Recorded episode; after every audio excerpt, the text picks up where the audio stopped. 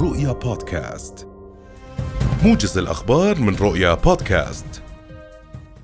قال وزير المياه والري محمد النجار إن الأردن سيقوم بشراء 50 مليون متر مكعب من المياه من كيان الاحتلال الإسرائيلي بموجب اتفاقية وقعت مسبقا لشراء 150 مليون متر مكعب خلال ثلاثة أعوام.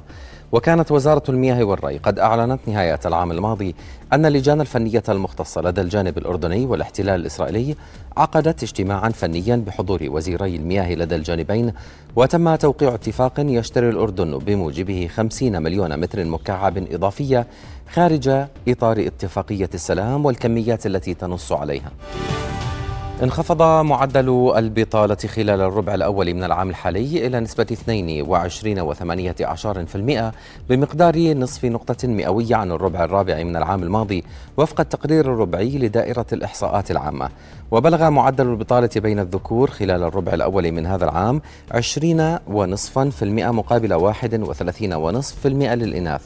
وأشارت النتائج إلى أن 52 و13% من إجمالي المتعطلين هم من حملة الشهادة الثانوية فأعلى وأن 47 و10% مؤهلاتهم التعليمية أقل من الثانوي.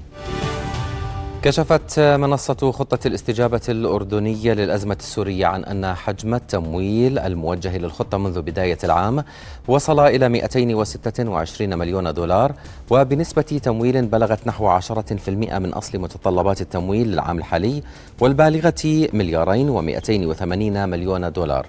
يأتي ذلك في الوقت الذي بلغ فيه تمويل خطة الاستجابة الأردنية العام الماضي 744 مليون دولار وبنسبة 30% تقريبا من متطلبات التمويل الكلية والبالغة مليارين و400 مليون دولار. ولم يوجه من هذه المساعدات أي مبلغ للخزينة خلال العام الحالي فيما كانت متطلبات التمويل لهذا البند وحده تقدر ب 948 مليون دولار.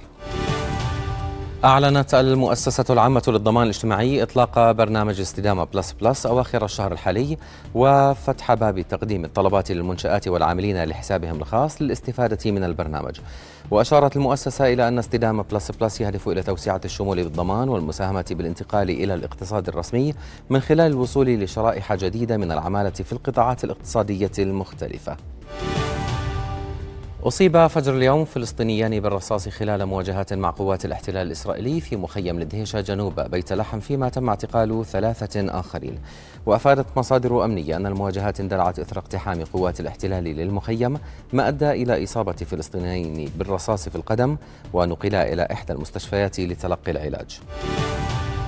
قالت روسيا إنها سيطرت على قرية بالقرب من مدينة سيفيرو دونيتسك الصناعية في أوكرانيا وهي هدف رئيسي في حملة موسكو للسيطرة على شرق البلاد بينما توقع الأمين العام لحلف شمال الاطلسي أن تستمر الحرب لسنوات. وقال سيرجي غايداي حاكم لوغانسك المعين من قبل أوكرانيا إن القتال جعل عمليات الإجلاء في المدينة مستحيلة. وأضاف أن الهجوم الروسي على المنطقة المحيطة بسيفيرو دونيتسك حقق درجة من النجاح.